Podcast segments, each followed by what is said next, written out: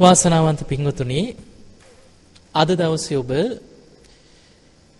බුදුරජාණන් වහන්සේගේ මධ්‍යම ප්‍රමාණී දේශනා අතර මජ්ක්‍ධිම නිකායට අයත් ඊටාම වැදගත් සූත්‍ර දේශනාවක් ඇසුරෙන් තමයි මේ ධර්මයේ ශ්‍රවණය කරන්න සූදානම් වෙන්නේ. මේ දින ගණනාව පුරාම සම්බෝධි විහාරස්ථානයේ විසින් ත්‍රිපිටක ධර්මයේ ඇසුරෙන් පවත්වන මේ සූත්‍ර සජ්ජායනා ත්‍රිපිටක සජ්ජායනා සහ ඒ ආශ්‍රිත ධර්මදේශනා මාලාවේ අද මජ්ක්‍ධිම නිකාය ඇසුරෙන් ධම්ම දායාද සූත්‍රය තමයි ඔබ ශ්‍රවණය කරන්නේ. පිංගතුනි මීට සුළු මොහොතකට කලින් ධම්ම දායාද සූත්‍රය බොහොම මිහිරට ඒ pāli භාෂාවෙන් සජ්ජායනා කරන්නට යෙදුණා. අද දවසේ අපි මේ ධම්ම දායාද සූත්‍රය ගැන විස්තර වශයෙන් අපි මේ ධර්ම දේශනාවේදී ඉගෙන ගන්න බලාපොරොත්තු වෙනවා. බුදුරජාණන් වහන්සේ මේ දේශනාවේදී අපිට පෙන්නලා දෙන්නේ ධර්මය දායාද කරගන්න කියනවා ආමිසේ දායාද කරගන්න එපා කියන. ආමිස කියන්නේ සිවුරු, පිරිකර, ඊළඟට ආවාස, ලැබෙන මිල මුදල්, ඒ භවභෝග සම්පත් වලට ආස කරමින් ඒව දායාද කරගෙන ඒ තුල සතුටු වෙන්න එපා කියනවා භික්ෂුවකට. එතකොට මේක දේශනා කරන්නේ භික්ෂූන් වහන්සේලා අරමුණු කරගෙන බුදුරජාණන් වහන්සේ පෙන්නනවා මේ ආමිසයෙන් සතුටු වෙන්නේ නැතුව ධර්මය දායාද කරගෙන බුදුරජාණන් වහන්සේගේ දායාදයේ හැටියට ලැබෙන්නේ ශ්‍රාවකයන්ට ධර්මය. එතකොට මේ ආමිසයේ දායාද කරගන්න නැතුව ධර්මයේ දායාද කරගන්න කියන කාරණයයි මේ ධම්ම දායාද සූත්‍රයෙන් විස්තර වෙන්නේ. දැන් ඔබ අහලා ඇති කෝකාලික කියලා හාමුදුරු කෙනෙක් ගැන. බුදුරජාණන් වහන්සේගේ කාලේ හිටිය භික්ෂුවක්. හැබැයි අද ඉන්නේ මහා නිරේ වැටිලා දුක් විඳින පාපී භික්ෂුවක්.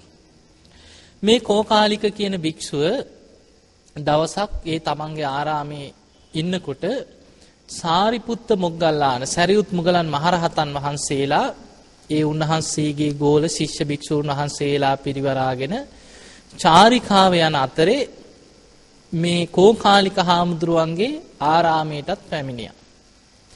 කෝකාලික හාමුදුරු කල්පනා කරා සැරියුත් මුගලන් දෙනම බොහොම ප්‍රසිද්ධයි. බුදුරජාණන් වහන්සේගේ අගසව් දෙනම. ඉක්මනට දායකයන්ට මේ පණවිඩේ ඇරියොත් මෙන්න සාරිපුත්ත මොග්ගල්ලානයන් වහන්සේලා අපේ ආරාමයට ඇවිල්ලා මේ දවස්වල ඉන්නවා. ඉක්මනට නුඹලා පිරිකර පූජා කරගනිල්ලා.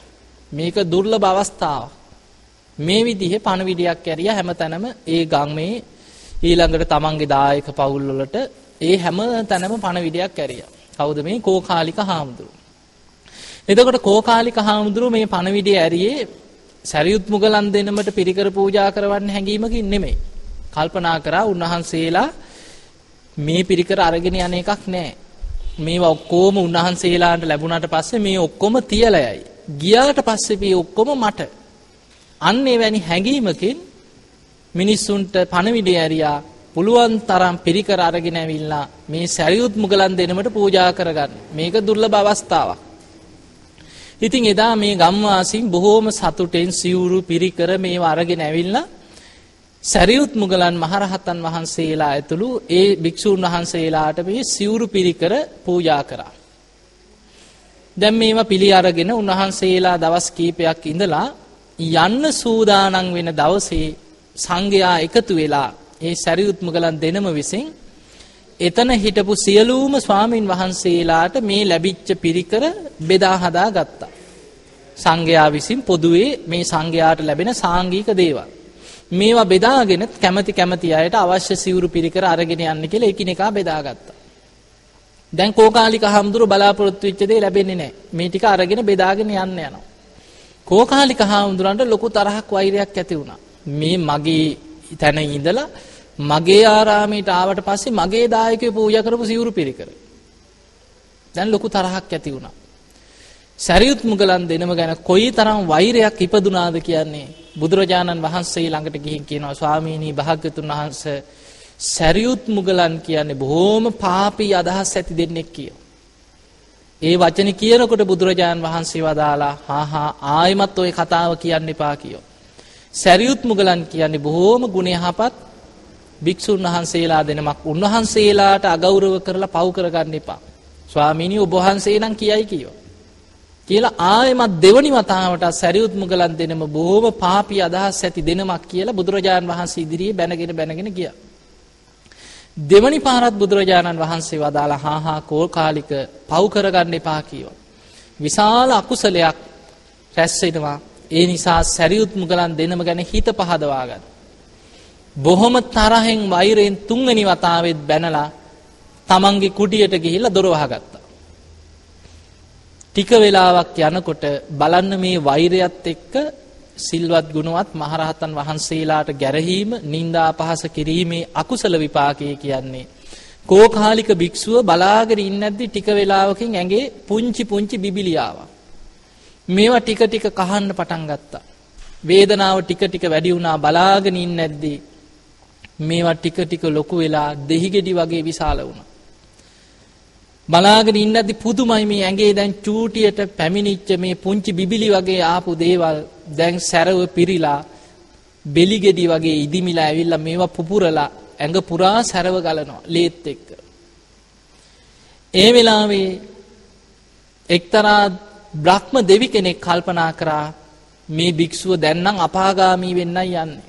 බුදුරජාණන් වහන්සේත් වැඩ ඉන්න කාලේ මහරහතන් වහන්සේලාත් වැඩ ඉන්න කාලේ මේ සැරියුත් මුගලන් භික්ෂූන් වහන්සේලා ගැන හිත අපහදවාගෙන කෝකාලික භික්ෂුව අපායකට වැටිලා බොහෝ කාලයක් දුක් විඳින්නයි මේ යන්නේ. පිහිට වෙන්න ඕන කියලා මේ බ්‍රහ්මයා පෙනී හිටියා. පෙනී ඉඳලා කියනවා කෝකාලික සැරියුත් මුගලන් දෙනමගෙන් සමාව ගන්න කිව ගිහින්. කවුද නුඹ කියලා ඇහුවා.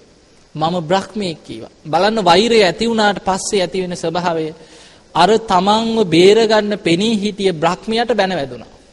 බ්‍රහ්මයට නම් බ්‍රහ්ම ලෝකෙට වෙලා ඉන්නේ නැතුව මොකට මෙහි ආවද කියලා බනින්න ගත්තා.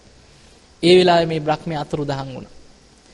එදා රාත්‍රී කාලේ මේ ඇඟේ මේ තිබිච්ච අර ගෙඩි පුපුරලා සැරව ගලලා ඒ අසනීපෙම මරණයට පත් වෙලා පදුම කියන නිරේට වැටුණා. එදා රාත්‍රී බුදුරජාණන් වහන්සේ මුණ ගැහෙන්න ආපු දෙවිවරු දෙන්නෙක් මේ පදුම නිරේ කෝකාලික භික්ෂුව විඳින දුක් ගැහැට ගැන බුදුරජාණන් වහන්සේට විස්තර කරනවා. එතකොට බලන්න මේ කෝකාලික දැන් අදටත් නිරේ. එතකොට මේ තරම් මේ බුදුරජාණන් වහන්සේ මුණ ගැහිලා පැවිදි වෙලා එතකොට මේ 이르දි බල සම්පන්න රහතන් වහන්සේලා ශ්‍රාවකයෝ අතරත් ඉඳලා අපායට වැටෙන්න හේතු උනේ ධර්මීය දායාද කරගන්නේ නැතුව ආමිසය අර සිවුරු පිරිකර මේ ලැබෙන සැප සම්පත් භෝග සම්පත් වලට ආස කිරීම නිසා.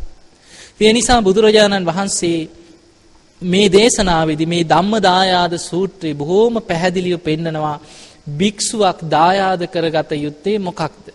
මේ දේශනාව බුදුරජාණන් වහන්සේ කරේ සවැත් නුවර අනේපිඩු සිටුතුමා විසින් කරපු ජේතවනාරාමේ වැඩ සිටිද්දී එදා බුදුරජාණන් වහන්සේ භික්ෂූන් වහන්සේලා අමතලා භික්ෂූන් වහන්සේලාට දේශනා කරනවා මහණෙනි ධර්මය දායාද කරගන්න කියනවා. ධම්ම දායාදා මේ භික්කවේ භාවේත මා ආමිස දායාද ආමිසේ මේ සිව්පසේ නම් දායාද කරගන්න එපා කියනවා.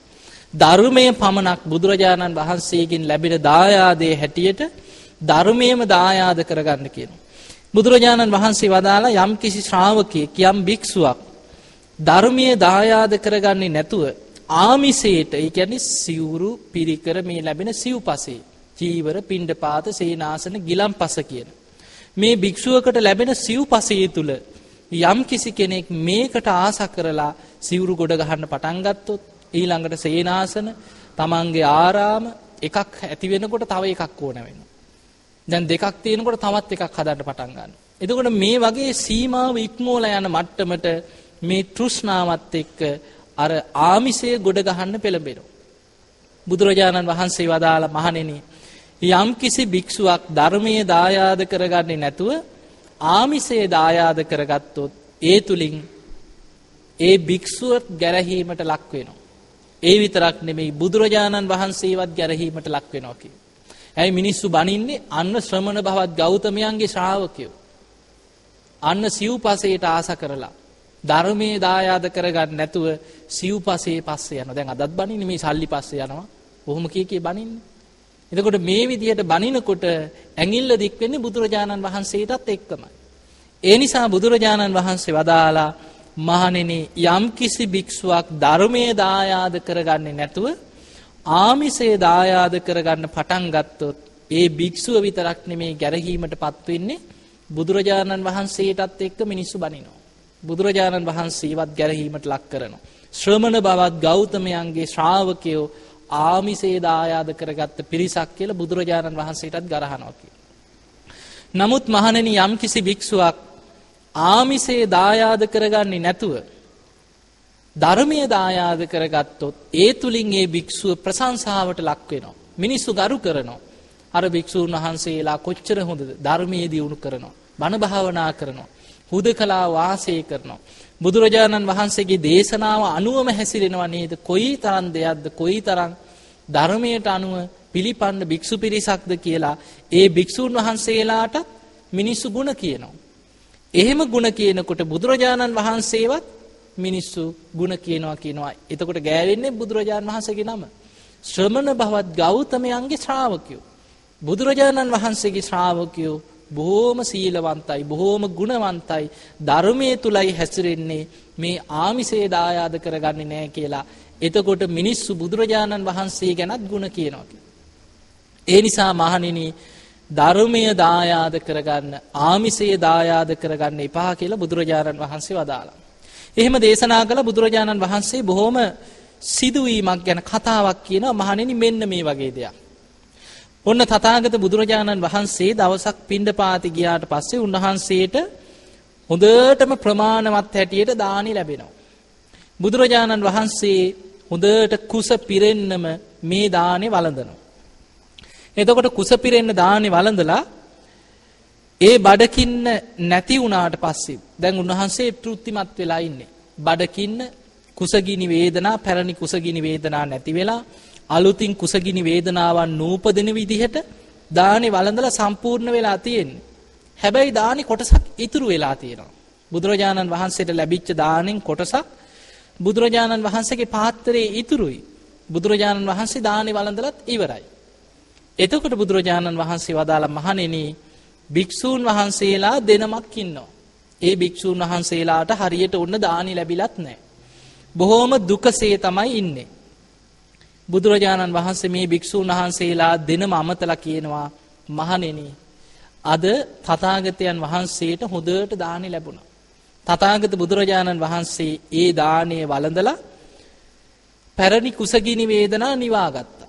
අලුතින් කුසගිනි වේදනාවක් නූපදින විදිහට හොඳට පින්ඩ පාත දානේ වළඳලා අවසానයි. නමුත් තථාගතයන් වහන්සේගේ පාත්‍රයේ තාම දානේ කොටසක් ඉතුරු වෙලා තියෙනවා. තාම දානේ වළඳන්න වෙලාවක් තියෙනවා. ඒ නිසා මහණෙනි නුඹලා කැමතිනම් නුඹලාගේ මේ තියෙන කුසගිනි වේදනා නිවාගෙන මේ දිවා රෑ දෙකේ වේදනාවක් නැතුව වැඩ සිටීම පිණිස ඒත් බුදුරජාණන් වහන්සේගේ පාත්‍රයේ ඉතුරු වෙච්ච ටික වළඳන්න කියලා බුදුරජාණන් වහන්සේ භික්ෂුන් වහන්සේලා දෙනමට කියනවා. එතකොට මේ දෙනමකින් එක්තරා භික්ෂුවක් කල්පනා කරනවා පළවෙනි භික්ෂුව කල්පනා කරනවා බුදුරජාණන් වහන්සේ දානි වළඳලත් ඉවරයි. බුදුරජාණන් වහන්සේට ලැබිච්ච දානෙන් බුදුරජාණන් වහන්සේ ඒ කුසගිනි වේදනා නිවාගෙන අලුතින් කුසගිනි වේදනාවක් නූපදින විදිහට හොඳට තථාගතයන් වහන්සේට සෑහෙන පමණට පිණ්ඩපාතේ වළඳලා දානි වළඳලත් ඉවරයි. නමුත් දාන ටිකක් ඉතුරු වෙලත් තියෙනවා. මේක මම වැළඳුවේ නැත්නම් බුදුරජාණන් වහන්සේ මේක විසි කරાવી. එක්කෝ කොහි හරි ජලයකට හරි දාලා මේක පහ කරලා යවයි. මේ දාහනේ ටික අහකයයි. එහෙම කල්පනා කරලා ඊළඟට මේ භික්ෂුව හිතනවා නෑ. මම මට පින්ඩ පාතේ ගියාට පස්සේ මට දානේ ලැබුණේ ඒ නිසා මම මේ බුදුරජාණන් වහන්සේගේ පාත්‍රයේ ඉතුරු වෙච්ච ටික වළඳන්නේ නැතුව මම ඉවසීමෙන් කුසගිනි වේදනාව දරාගෙන දවල් රෑ දෙකේ කාලි ගත කරනවා. බුදුරජාණන් වහන්සේ ඒක අගය කරනවා භික්ෂුවක් තුල තියෙන මේ ඉවසීම අල්පේච්ඡතාවේ ලද දෙයින් සතුටු වීම සන්තුට්ඨිතාවේ බුදුරජාණන් වහන්සේ අගය කරන නිසා මම බුදුරජාණන් වහන්සේගේ ඉතුරු වෙච්ච දානේ වළඳන්නේ නැහැ කියලා කල්පනා කරලා බුදුරජාණන් වහන්සේගේ ඒ දානේ කොටස වළඳන්නේ නැතුව ඒක වළඳන්නේ නැතුව එදා රාත්‍රී කාලයත් පසුවදාත් Tamanට ලැබෙනකන් කුසගිනි වේදනාව දරා ගන්නවා. දෙවනි භික්ෂුව කල්පනා කරනවා බුදුරජාණන් වහන්සේ ඉතින් දැන් දානි වළඳලා ඉවරයිනොයි. තථාගතයන් වහන්සේට සෑහෙන පමණට පින්ඩ පාත ලැබිලා. ඉතින් අපිටනේ ලැබුණ නැත්තේ. ඒ නිසා මේ බඩකින්නේ අද රාත්‍රී කාලේ ගත කරනවට වැඩිය හොඳයි බුදුරජාණන් වහන්සේගෙත් අවසරේ තියෙන නිසා උන්වහන්සේගේ පාත්‍රයේ ඉතුරු වෙච්ච දාන ටික වළඳලා දුකක් නැතුව අද රාත්‍රී කාලයේ කුසගිනි වේදනාව නිවාගෙන ගත කරනවා කියලා දෙවනි භික්ෂුව හිතනවා. හිතලා ඒ බුදුරජාණන් වහන්සේගේ පාත්‍රයේ තියෙන දානේ කොටස වළඳන්න කල්පනා කරනවා. බුදුරජාණන් වහන්සේ වදාළ මහණෙනි මේ භික්ෂූන් වහන්සේලා දෙන මාතරින් පළවෙනි භික්ෂුව තථාගතයන් වහන්සේ අගය කරනවා කියනවා. ඇයි පළවෙනි භික්ෂුව කල්පනා කරා බුදුරජාණන් වහන්සේ දානි වළඳලා ඉවර වුණත් ඉතුරු වෙච්ච ටික විසි කරත් කමක් නැහැ. මට ලැබිච්ච නැති නිසා මම අද රාත්‍රී කාලේ මේ කුසගිනි වේදනාව දරාගෙන මේ ඉවසීමෙන් ඉන්නවා. මම ඒක ඉවසනවා. ඒ වේදනාව ඉවස ගන්නවා. නමුත් දෙවනි භික්ෂුව කල්පනා කරේ නැහැ. බඩකින්නේ ඉන්නවට වඩා හොඳයි බුදුරජාණන් වහන්සේගේ ඉතුරු වෙච්ච ටික හරි වළඳනවා කියලා කල්පනා කරා. බුදුරජාණන් වහන්සේ අර බඩකින්නේ හිටපු භික්ෂුව අගය කරනවා. අගය කරලා කියනවා මහණෙනි තංහිතස්ස භික්කවේ භික්කුණෝ දීගරත්තං අප්පිච්චතා ඒ භික්ෂුවට දීර්ඝ කාලයක් අල්පේච්ච භාවයෙන් ඒ කියන්නේ ලද දෙයින් සතුටු වීම පිණිස ඒක උපකාර වෙනවා කියනවා. සන්තුට්ඨිතාය ලැබිච්ච දෙයකින් සතුටු වෙනවා. අල්පේච්ච ජීවිතයක් ගත කිරීම පිණිස. ඒ වගේම සල්ලේකාය විරියාරම්මා වීරි ආරම්භ කර ගැනීම පිණිස. ඒ කියන්නේ මේ කුසගිනි වේදනාව දරාගෙන ඉදීම තුළ ඒ භික්ෂුවට ලද දෙයින් සතුටු වෙන්න පුළුවන් ආත්ම ශක්තියක් ගොඩ නැගෙනවා. ඕන දුෂ්කර ජීවිතයක් ගත කරගෙන ඉන්න පුළුවන් හැකියාවක් ගොඩ නැගෙනවා. වීරියෙන් බණ භාවනා කරන්න දාන්නේ නැතත් ලැබිච්ච දෙයකින් සතුටු වෙලා වීරියෙන් පැවිදි ජීවිතය ගත කරන්න පුළුවන්කම ලැබෙනවා. ඒ නිසා බුදුරජාණන් වහන්සේ ඒ භික්ෂුව අගය කරනවා කියලා දේශනා කරලා බුදුරජාණන් වහන්සේ භික්ෂූන් වහන්සේලාට මේ කතාව මේ විස්තරේ කියලා මහණෙනි ධර්මයේ දායාද කරගන්න කියෝ. ආමිසේ දායාද කරගන්න එපා කියලා උන්වහන්සේ ගන්ධ කුටියට වැඩම කළා. දැන් බලන්න අපිට මේකෙන් එක දෙයකුත් පැහැදිලි. බොහෝ දෙනෙක් අපෙන් අහනවා මේ බුද්ධ පූජාව ඉතුරු වුණාට පස්සේ මොකද කරන්නේ? බුද්ධ පූජාව විසි කරන එක අපරාධයක්. ඉතින් ඕක කෑවට කමක් නැහැ නි කියලා හිතනවා. නමුත් බලන්න බුදුරජාණන් වහන්සේ මේකේ පෙන්නනවා යම් කිසි භික්ෂුවක් බුදුරජාණන් වහන්සේගේ දානේ කොටසක් ඉතුරු වෙලා තියෙනකොට කල්පනා කරොත් නෑ මම ඒ දානේ වළඳන්නේ නැතුව ඒ කුසගිනි වේදනාව දරාගෙන ඉවසීමෙන් ධර්ම මාර්ගයේම අනුගමනය කරනවා කියලා කල්පනා කරනවා නම් බුදුරජාණන් වහන්සේ ඒක න අගය කරනවා කියන. බුදුරජාණන් වහන්සේගේ පාත්‍රයේ ඉතුරු වෙච්ච ටික හරි කමක් නෑ වළඳනවා කියලා හිතන කෙනා බුදුරජාණන් වහන්සේ ඒ තරම් අගය කරන්නේ නෑ කියන. ඒ නිසා දැන් අපිට බුද්ධ පූජාව අහක යනවා කියලා ඒක අපිටම කන්න ඕනේද? තමන්ට ගෙදර දානි තියෙනවනම් තමන්ට ඕන තරම් කන්න බොන්න තියෙද්දි අර බුද්ධ පූජාවට තියපු එක බුදුහාමුදුරන්ගේ දේ කන්න අවශ්‍ය නැහැ. ඒක එක්ක තිරිසන් සතෙක් වෙනුවෙන් දෙන්න පුළුවන්. ඕනම කෙනෙක් නැති බැරි කෙනෙකුට දුන්නට ප්‍රශ්නයක් නැහැ. තිරිසන් සතෙකුට දානවා. නමුත් තමන්ට ඒක දැන් එහෙම වුණාට පස්සේ අර කෙනෙකුට බුදුරජාණන් වහන්සේ ගැන තියෙන ගෞරවේ නැති වෙලා යනවා. අර කෙනෙකුට හැඟීමක් ඇති වෙනවා මං බුදුහාමුදුරුවන්ගේ බුද්ධ පූජාවට තියෙන එක කනවා නේද කියන වගේ එවැනි හැඟීමක් බුදුහාමුදුරුවන්ගේ දේ කෑව වගේ හැඟීමක් මානසිකව ඇති වෙනවා. ඒ නිසා තමන් ඒක ගන්නේ නැතුව නැති බැරි කෙනෙකුට හරි එක්කෝ තිරිසන් සතෙක් වෙනුවෙන් හරි දුන්නට ඒක ප්‍රශ්නයක් වෙන්නේ නැහැ. බලන්න බුදුරජාණන් වහන්සේ භික්ෂූන් වහන්සේලාට මේ හැම කාරණේම පෙන්වන්නේ ආමිසයට ගිජු වෙන්න එපා කියන. ධර්මයේ විතරක් දායාද කරගන්න. එතකොට මේ දේශනාව කළා ඉදා බුදුරජාණන් වහන්සේ ගන්ධ කුටියට වැඩම කරා. තමන්ගේ කුටියට වැඩම කරාට පස්සේ සාරිපුත්ත මහරහතන් වහන්සේ ටික වෙලාවකින් බුදුරජාණන් වහන්සේ එතනින් වැඩම කරාට පස්සේ අර භික්ෂූන් වහන්සේලා අතරට වැඩම කරා. ඇවිල්ලා සාරිපුත්ත හාමුදුරුව භික්ෂූන් වහන්සේලා අමතලා කියනවා මහණෙනි බුදුරජාණන් වහන්සේ විවේකයෙන් වැඩ සිටිද්දී ශ්‍රාවකයෝ විවේකයෙන් වැඩ ඉන්නේ නැත්තේ මොන කරුණු මතද?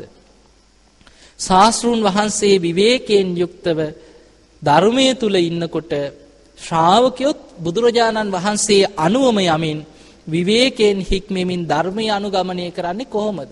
මොන වගේ කරුණක් මතද කියලා සාරිපුත්ත හාමුදුරුව අර භික්ෂූන් වහන්සේලාගෙන් ප්‍රශ්නයක් අහනවා.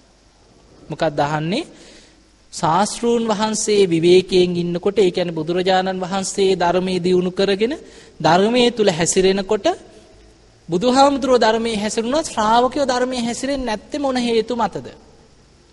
බුදුරජාණන් වහන්සේ ධර්මයේ දියුණු කරනකොට විවේකයෙන් ඉන්නකොට ශ්‍රාවකයොත් බුදුරජාණන් වහන්සේගේ උපදේශයේ අනුවම කටයුතු කරමින් විවේකයෙන් හික්මෙනවා කියලා කියන්නේ මොන කරුණු මතද? මේ ප්‍රශ්නේ සාරිපුත්ත හාමුදුරුවර භික්ෂූන් වහන්සේලාගෙන් අහනවා. එතකොට භික්ෂූන් වහන්සේලා කියනවා අනේ ස්වාමීනි සාරිපුත්තයන් වහන්සේ මේ කාරණේ ගැන ඔබ වහන්සේගෙන් දැනගන්න අපි ගොඩාක් දුර ඉඳන් හරි එන්න කැමතියි කියන.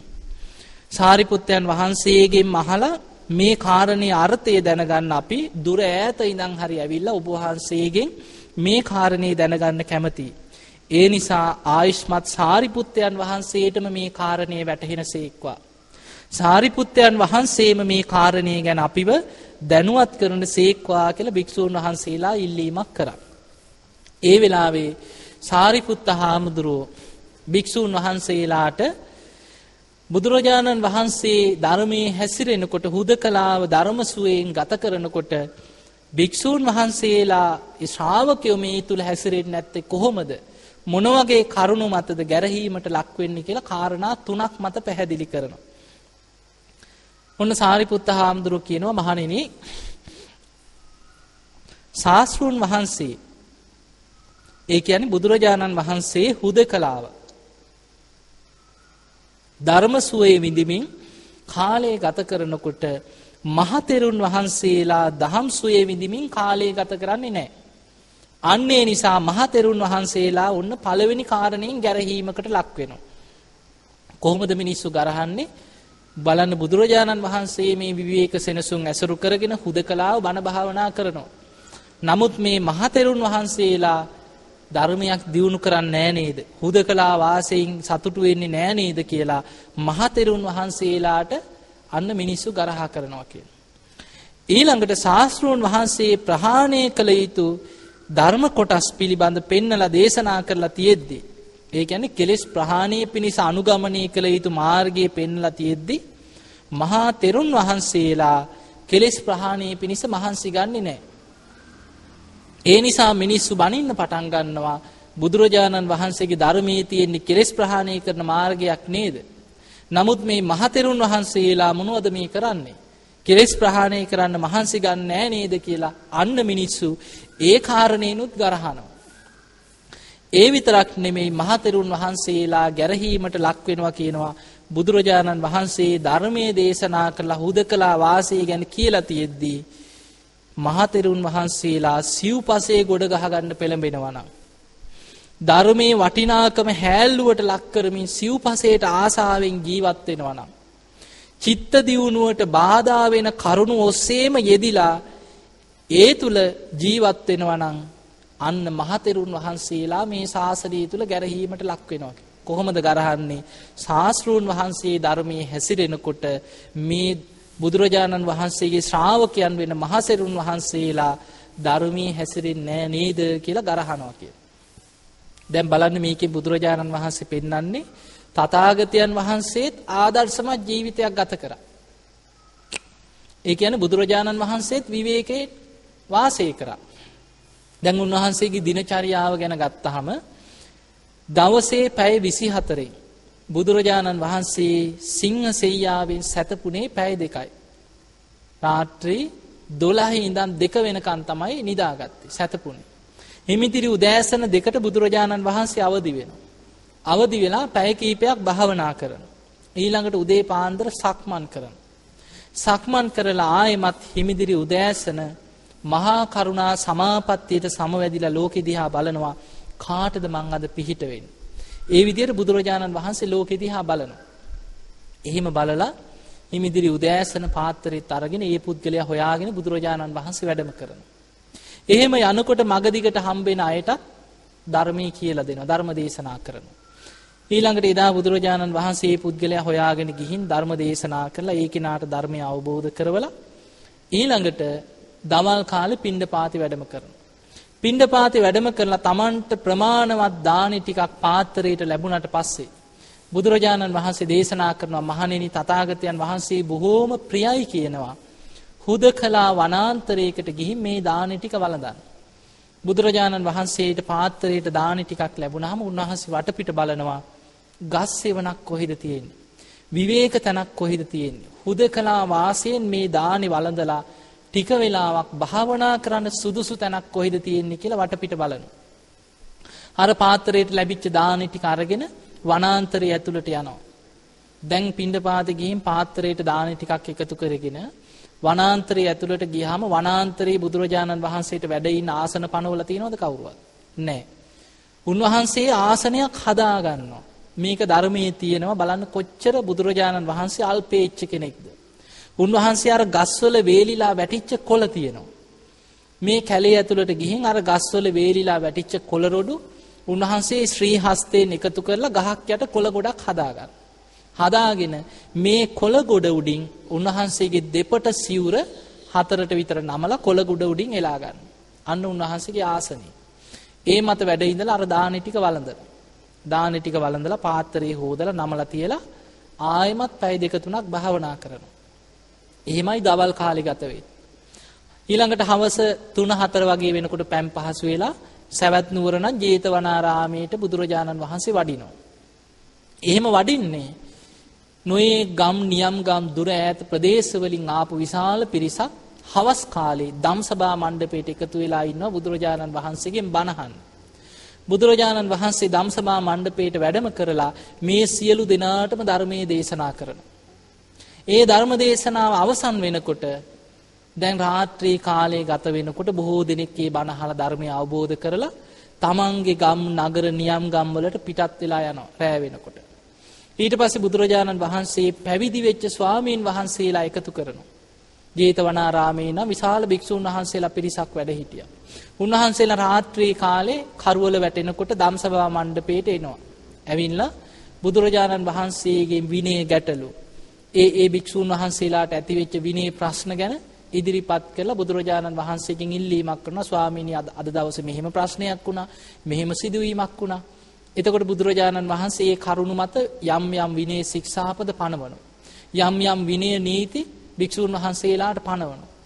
ඊළඟට එක එක භික්ෂූන් වහන්සේලා බුදුරජාණන් වහන්සේගෙන් අහනවා මහණේ ස්වාමීනි භාග්‍යතුන් වහන්සේ අද මම කැමති හුදකලා වනාන්තරයකට ගිහින් භාවනා කරන්න. මට සුදුසු ධර්මයක් දේශනා කරන්නේ කියලා ඉල්ලනවා. ඉතින් බුදුරජාණන් වහන්සේ පුද්ගලයාගේ ඉන්ද්‍රිය ධර්ම දිහා බලලා ඒ කෙනාට ගැළපෙන ධර්ම දේශනාවක් කරනවා. මෙන්න මේ ටික හොඳට ගිහින් විවේකයෙන් පුරුදු කරන්න. එතකොට ওই වගේ එදා රාත්‍රී කාලේ රාත්‍රී 9:45 විතර වෙනකන් ওই විදියට තමයි ගත වෙන්නේ. ඒ වගේ දවස්වල තමයි මේ වගේ දේශනා ධම්සභා මණ්ඩපයේදී බුදුරජාණන් වහන්සේ භික්ෂූන් වහන්සේලාට කියලා දෙන්නේ. ත්‍රිපිටකේ ගත්තහම මේ ත්‍රිපිටකයෙන් හතරෙන් තුනකට ආසන් ප්‍රමාණයක් තියෙන්නේ සවැත් නුවර ජේතවනාරාමේදී දේශනා කරපු දේශනා. බුදුරජාණන් වහන්සේගේ ජීවිතේ වැඩිම කාලයක් වැඩ හිටියේ ජේතවනාරාම. වස් කාල 19ක් වැඩ හිටියා. එතකොට බුදුරජාණන් වහන්සේ ඒ කාලය තුල වැඩිපුරම මේ ධර්ම දේශනාවන් කරේ ධම්සභා මණ්ඩපේ සවැත් නුවර ජේතවනාරාම. එතකොට අද මේ අපි ඉගෙන ගන්න ධම්මදායාද සූත්‍රයත් බුදුරජාණන් වහන්සේ දේශනා කරලා තියෙන ජේතවනාරාමේ වැඩ ඉන්නකොට. එතකොට රාත්‍රී 9:45 වගේ වෙනකොට 10ට ආසන්න වෙනකොට බුදුරජාණන් වහන්සේ අර ධම්සභා මණ්ඩපේ කටයුතු අවසන් කරනවා. අවසන් කරලා උන්වහන්සේගේ ගන්ධ කුටියට වැඩම කරනවා. ගන්ධ කුටියට වැඩම කරන්නේ රාත්‍රී 10ත් 12ත් වෙන් කරලා තිබ්බේ දෙවිවරු වෙනුවෙන්. ඔබ අහලා ඇති රාත්‍රී මැදියම් යාමේ කියන්නේ පළවෙනි යාමේ 10 ඉඳන් 12 වෙනකන් කාලේ මුළු මහත් ජේතවනයේම බබලවාගෙන දෙවිවරු පැමිණිලා මේ විදියට වන්දනා කරලා එකත් පසක ඉඳගෙන බුදුරජාණන් වහන්සේගෙන් මෙහිම ප්‍රශ්නයක් ඇහුවා. එතකොට මේ වගේ දේශන තියෙනවා සිය ගාණක් ත්‍රිපිටකය තුල.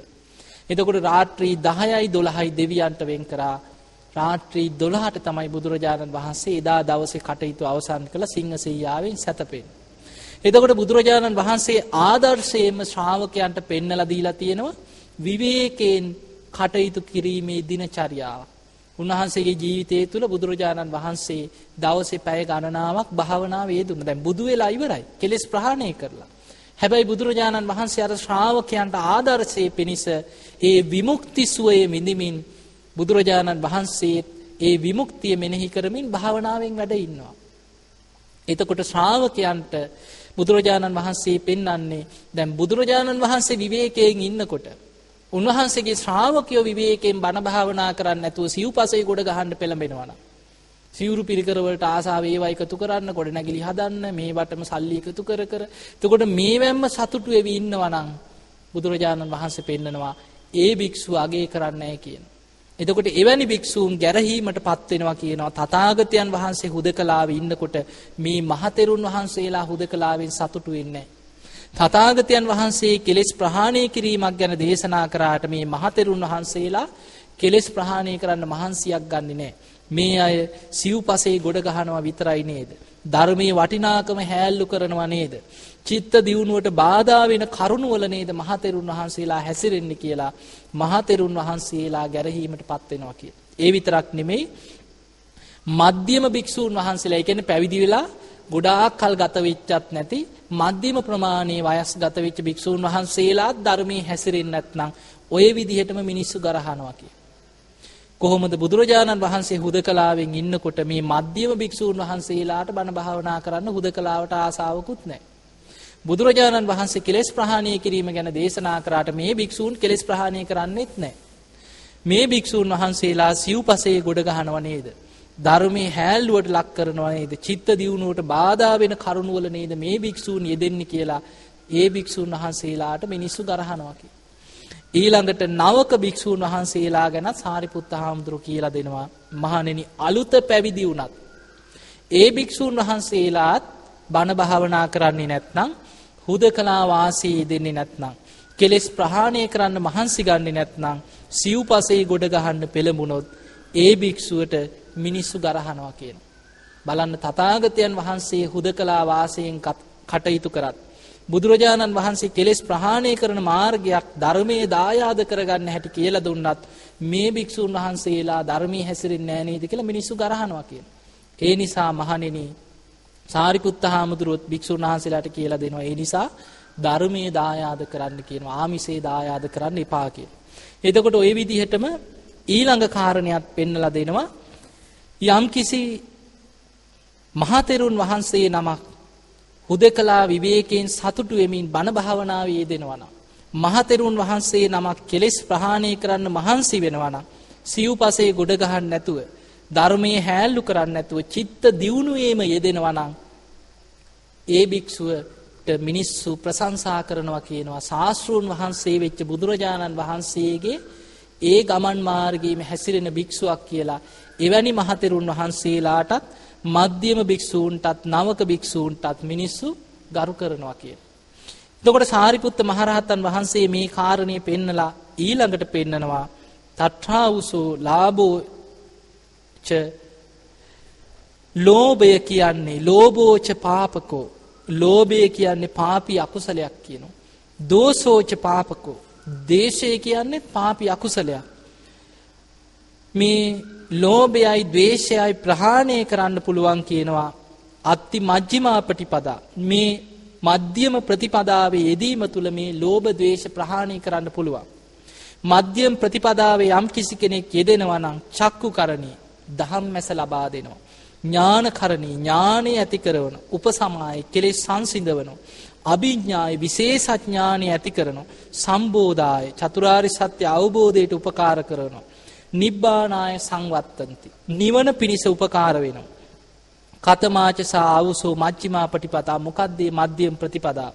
ඒ තමයි කියනවා ඥානය ඇති කරන දහම් මැස ලබාදෙන කෙලෙස් සංසිදවන විශේෂඥානය ඇති කරවන නිවන පිණිස උපකාරන මධ්‍යම් ප්‍රතිපදාව තමයි අය මේ වරියෝ වට්ටංගිකෝ මක්ගෝ මේ ආර්ය අෂ්ටාංගික මාර්ගයේ සම්මා දිට්ඨි සම්මා සංකප්ප සම්මා වාචා සම්මා කම්මන්ත සම්මා ආජීව සම්මා වායාම සම්මා සති සම්මා සමාධි ඒ නිසා මෙන්න මේ මාර්ගයේ යෙදෙන්න කියලා සාරිපුත්ත හාමුදුරු කියලා දෙනවා එතකොට මේ දේශනාවේ අන්තිමට පෙන්නන හරය තමයි ආමිසයට දායාද කරගන්න නැතුව ධර්මයේ දායාද කරගන්න.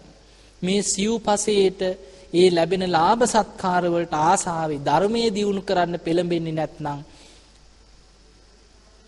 පැවිදි වෙලා බොහෝ කාලයක් ගත වෙච්ච භික්ෂුවක් වුණත් මධ්‍යම භික්ෂුවක් වුණත් නවක පැවිදි වෙච්ච භික්ෂුවක් වුණත් ගැරහීමට ලක් වෙනවා. ඒ ගැරහනකොට බුදුරජාණන් වහන්සේවත් ගෑවෙනවා. බුදුරජාණන් වහන්සේගේ ශ්‍රාවකයෝ මෙහිමයි කියලා තමයි මිනිස්සු ගරහා කරන්නේ. ඒ නිසා ශාස්ත්‍රුන් වහන්සේ අනුව යමින් ධර්මයේ හැසිරෙන්න කියනවා. ධර්මයේ දායාද කරගන්න කියනවා. සිව්පසේට ආස කරන්න එපා කියනවා. සිව්පසේ ගොඩ ගහගෙන ඒ තුලින් සතුටු වෙන්න පෙළඹෙන්න එපා.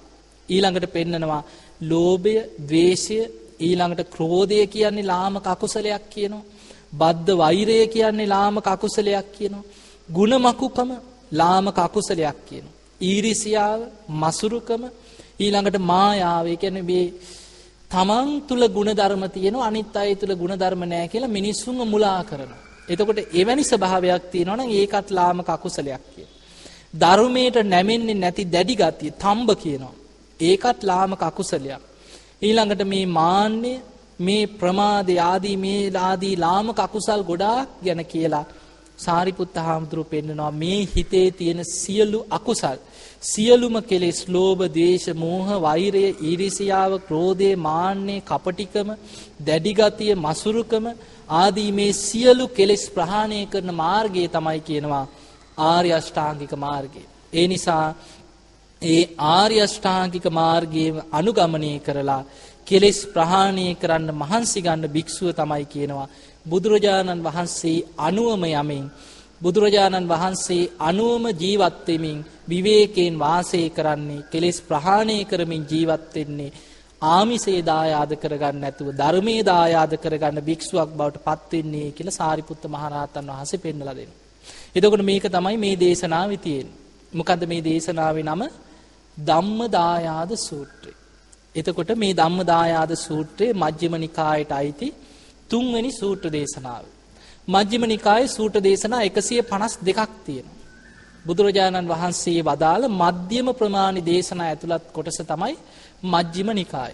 ඉතින් මේ මජ්ක්‍ධිම නිකායට අයිති ධම්මදායාද සූත්‍රය තමයි අද අපි මේ ඉගෙන ගත්තේ. එතකොට බලන්න බුදුරජාණන් වහන්සේගේ ඉලක්කය.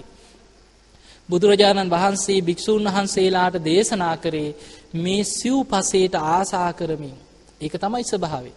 බුදුරජාණන් වහන්සේ අවස්ථාවක පෙන්වනවා මහණෙනි භික්ෂුවකට මේ ලාභ සත්කාර කීර්ති ප්‍රශංසා තරම් අනතුරුදායක දෙයක් බුදු ඇසින්වත් දකින්නේ කියන.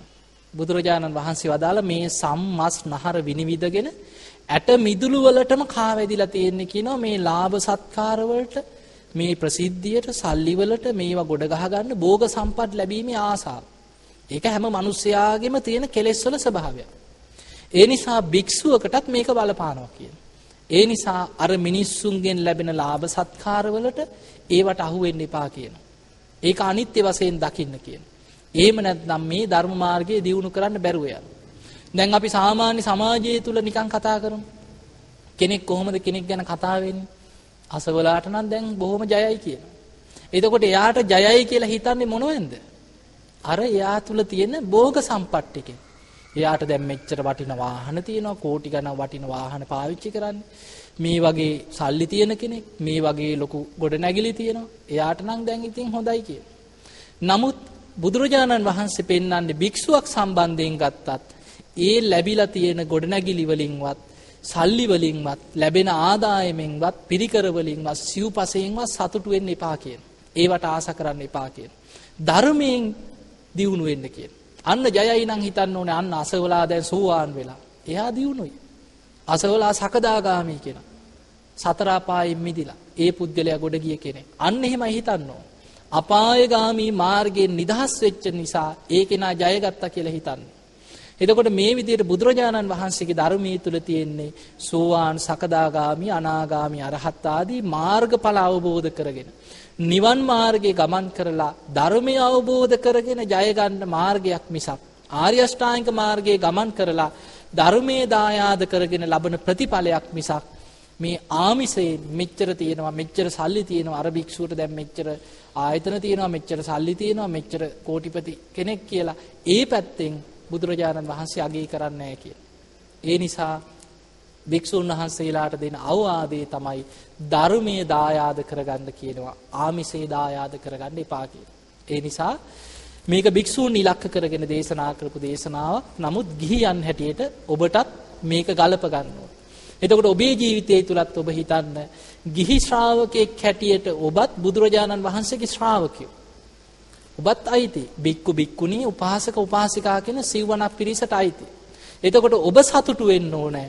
මට මෙච්චර යාන වාහන තියෙනවා මත් මෙච්චර ඉඩ කඩන් තියෙනවා අපේ දරුවෝ මේ වගේ ඉහළ රටවල් වල ඉන්නේ අපේ දරුවන්ට මෙච්චර සල්ලි තියෙනවා කියලා ඒවෙන් සතුටු වෙන්නේ නැතුව අපි මේ විදිහේ සීලවන්ත පිරිසක් අපි මේ විදිහේ ධර්මයේ අනුගමනය කරන පිරිසක් අපි මේ වගේ බණ භාවනා කරගන්න පිරිසක් අපි නම් කොයි වෙලේ මැරුණා සුගතියමයි අන්න ඒ විදිහට තමන්ට පුළුවන් නම් බුදුරජාණන් වහන්සේගේ ධර්මයේ තුලින් තමන්ගේ ජීවිතය දිහා බලලා මට මේ ධර්මයෙන් පිහිටක් වුණා. මම මේ ධර්මයේ තුල පිහිටියා. මම නම් ධර්මයෙන් දියුණු වෙච්ච කෙනෙක්මයි කියලා තමා තුලින් බලලා සතුටු වෙන්න. අන්න ඒ කෙනා මේ බුද්ධ ශාසනය තුල ධර්මයේ දායාද කරගත්ත කෙනෙක් බවට පත් වෙනවා. ඒ නිසා මේ භෝග සම්පත් වලින් හරි හම්බ කරලා ගොඩනගා ගන්න භෝග සම්පත් වලින් පමණක් සතුට ලබන්නේ නැතුව ආධ්‍යාත්මිකව සීලාදී ගුණධර්ම දියුණු කරගෙන ධර්මයේ දියුණු කරගෙන ධර්මයෙන් සතුටු වෙන්න මහන්සි ගන්න.